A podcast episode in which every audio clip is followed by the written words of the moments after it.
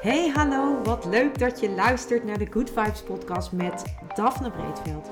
Ben jij geïnteresseerd in persoonlijke ontwikkeling, de wet van aantrekking en ondernemen? Dan is dit de podcast voor jou. Ik neem je heel graag mee op mijn ontdekkingsreis naar absolute vrijheid. Omdat ik er 100% in geloof dat je alles kunt creëren wat jij maar wilt. Jouw tofste leven en business puur door vanuit je gevoel te leven. Ik wens je heel veel inspiratie en luisterplezier. En stay tuned voor zo'n good vibes. Hey hoi, superleuk dat jij weer luistert naar een nieuwe aflevering van deze podcast. En vandaag niet in de auto. Nee, vandaag zit ik op de bank met mijn beentjes omhoog. En dat heeft ermee te maken dat ik twee dagen geleden geopereerd ben. En dat is ook waar deze podcast over gaat. Ik ga je meenemen in een heel persoonlijk verhaal over mezelf en over de keuzes die ik gemaakt heb. Uh, die ik uh, heel lang geleden gemaakt heb en die ik nu weer heb moeten maken. En wat dat met me heeft gedaan. En om je nou niet langer in spanning te houden, ga ik gelijk met de deur in huis vallen. Ik ben afgelopen dinsdag geopereerd aan mijn borsten. Uh, want ik had siliconen borstimplantaten en deze implantaten heb ik laten verwijderen. En die heb ik laten verwijderen omdat ik er een paar maanden geleden achter ben gekomen dat de implantaten die in mijn lichaam zaten, dat die eigenlijk vanaf 2018 al niet meer geplaatst mogen worden, omdat ze een zeer zeldzame vorm van lymfeklierkanker kunnen veroorzaken. En daarnaast is het nog niet aangetoond, maar is er wel een hele grote relatie tussen andere fysieke klachten en deze uh, siliconen borstimplantaten. En nu denk je misschien, ja, leuk dit verhaal, wat moet ik hiermee? Nou, de reden waarom ik deze podcast hierover opneem, is omdat ik je graag wil meenemen in mijn verhaal en in mijn weg. En ook hoe uiteindelijk dat ook weer met um, luisteren naar je gevoel en inspired action nemen te maken heeft. Bij mij begon het allemaal in 1998. Dat was het jaar waarin ik afstudeerde als fysiotherapeute aan de Hogeschool van Utrecht. En in, tijdens mijn stage kwam ik een vrouw tegen die ernstige fysieke klachten had. En zij gaf aan dat zij het idee had dat deze klachten waren ontstaan door haar siliconen borstimplantaten. En ik was op dat moment um, aan het afstuderen en ik zocht nog een scriptieonderwerp. En dus besloot ik om mijn scriptie over dit onderwerp te schrijven. Niet geheel uh, alleen voor deze dame, maar ook vooral omdat ik zelf op dat moment ook aan het nadenken was of ik wel of niet een borstvergrotende operatie wilde doen. En hoe ik daar dan bij kwam, ja, dat is eigenlijk een uh, lang verhaal wat daaraan vooraf is gegaan. En dat begon eigenlijk al vanaf het moment dat ik in de puberteit kwam. Al mijn vriendinnen kregen borsten, behalve ik. En nu was het wel zo dat ik ontzettend fanatiek sportte. Ik was een fanatieke hockeyster. Ik hockeyde op uh, Nederlands niveau en um, ik uh, speelde in de hoofdklasse bij Kampong. En ja, ik trainde drie keer per week, speelde één keer per week een wedstrijd. En uh, ja, ik was eigenlijk altijd met sport bezig. Naast het hockeyen deed ik nog veel hardlopen. Ik, uh, ja, ik was eigenlijk gewoon altijd heel erg met mijn gezondheid bezig. En ook met sporten. En dan vooral met de focus op hockey. Ik zeg altijd gekscherend, mijn dagen bestonden uit uh, hockey, eten, slapen en school. En dan ook nog leren voor school, want ik zat op het VWO en um, dat deed ik niet met twee vingers in mijn neus. Dus daar moest ik veel voor doen.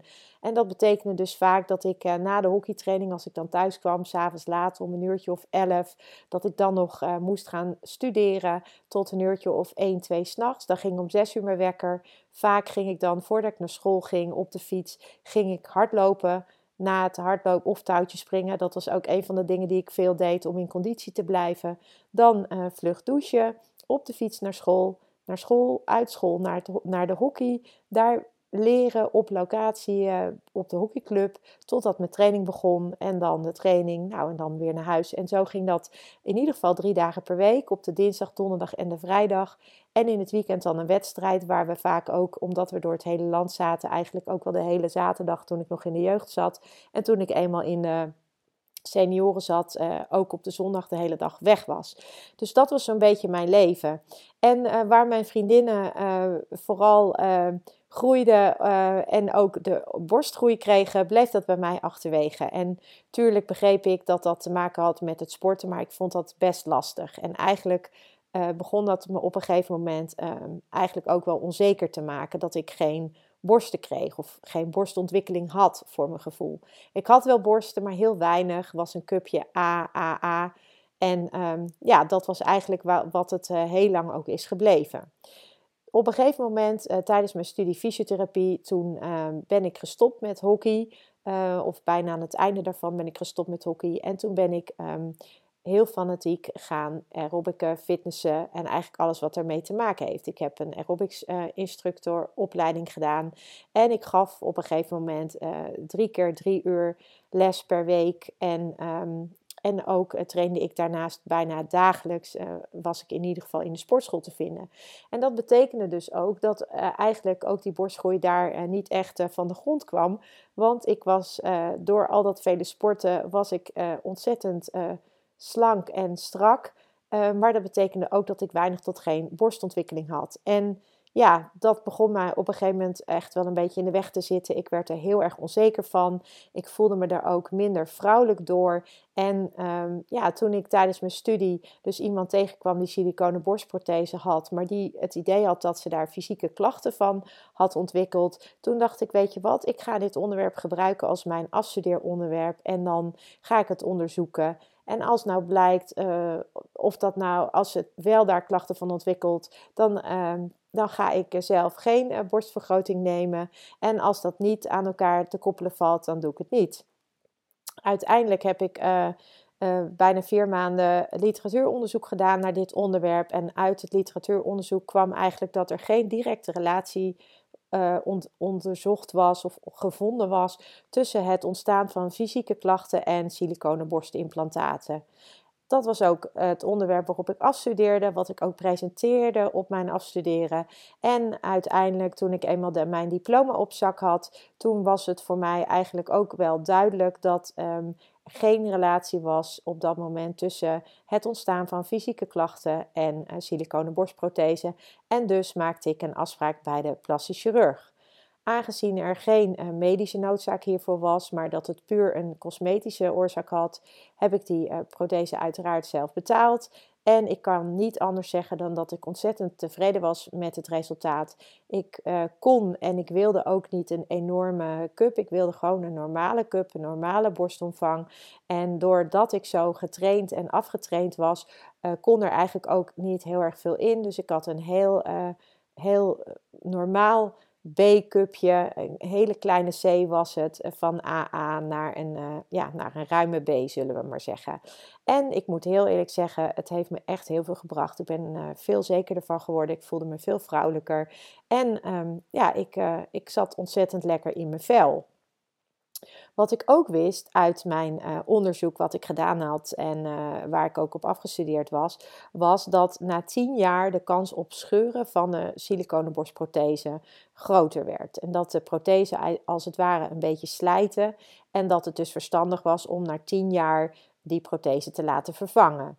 Wat ik vervolgens ook elk jaar deed, of elke anderhalf, twee jaar deed, was een controle bij de plastisch chirurg. En mijn plastisch chirurg die zei ook altijd van nou, jij bent mijn trouwste klant, want jij komt elk jaar, anderhalf jaar, kom jij terug voor controle. Dan controleerde hij de borsten of het allemaal nog goed zat. En uiteindelijk um, heb ik in 2014, dus dat is... Uh, uh, jaren, uh, nou ja, ruim meer dan tien jaar later natuurlijk, heb ik uh, die prothese laten vervangen.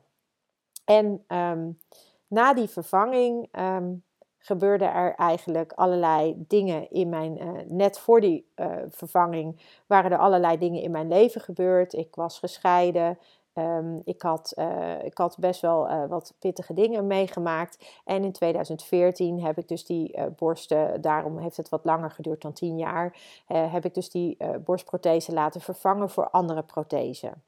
En eigenlijk heb ik vrij snel daarna ben ik klachten gaan ontwikkelen, fysieke klachten.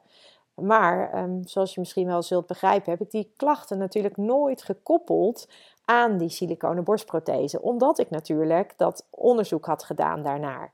En ehm, ja, uiteindelijk heb ik uh, klachten ontwikkeld. Uh, ik had uh, vermoeidheidsklachten die steeds erger werden.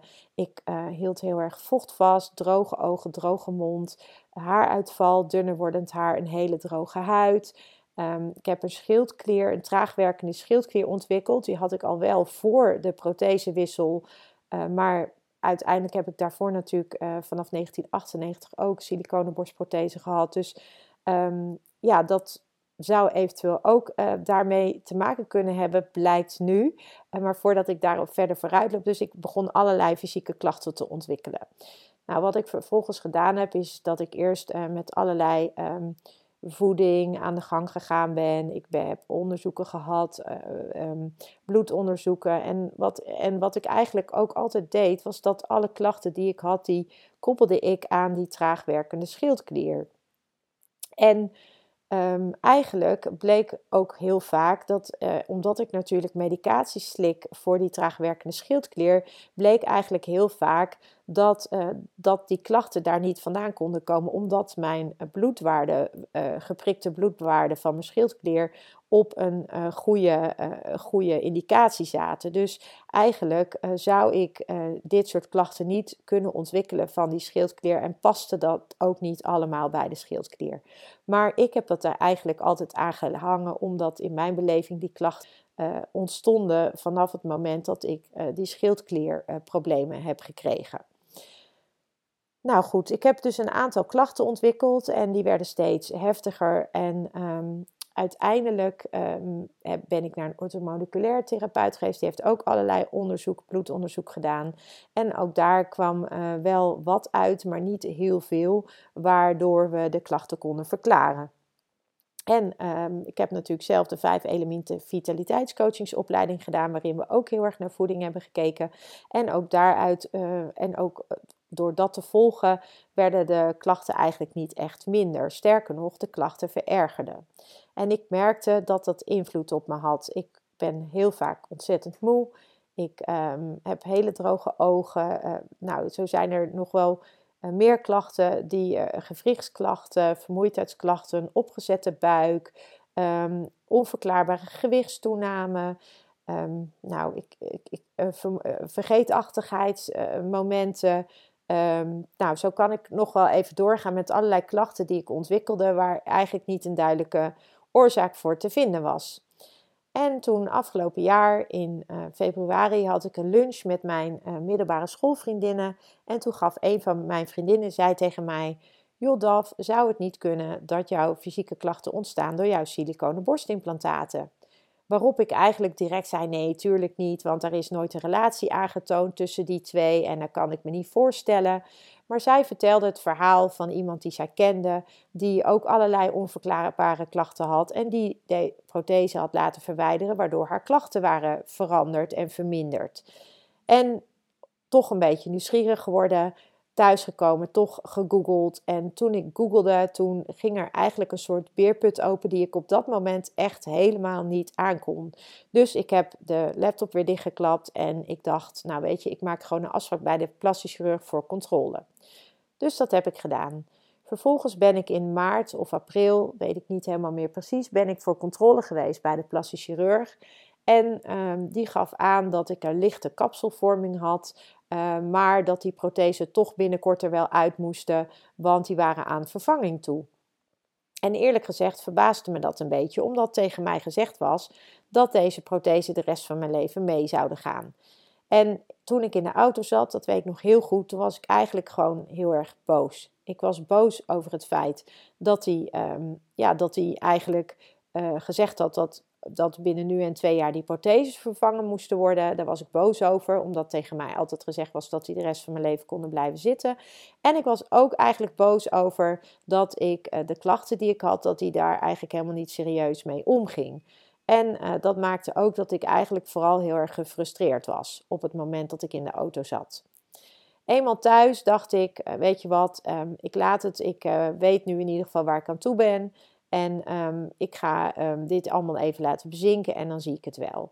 En uh, vervolgens, ergens in um, het voorjaar, zag ik een filmpje voorbij komen van Ingrid. En Ingrid is een meisje wat ik ken.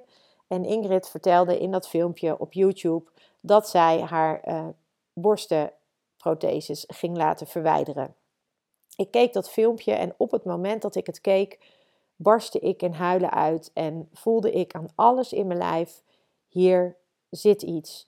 Ik kan dit nu niet meer negeren. Het raakte me zo. Ik werd er zo emotioneel van dat ik dacht: ehm, ja, blijkbaar moet ik hier iets mee. Het is niet voor niets dat ik dit nu weer op mijn pad krijg. En dat is uh, wat ik ook wel mooi vind hieraan. Dat ik het, de eerste keer dat ik het op mijn pad kreeg, kon ik het niet aan. Ik heb vervolgens wel acties ondernomen hè, en ik heb allerlei uh, onderzoeken tussendoor ook nog gedaan. Uh, maar ik, ik, ik kon eigenlijk niet um, aan uh, ja, wat dat eventueel voor impact zou hebben op mij of op mijn leven.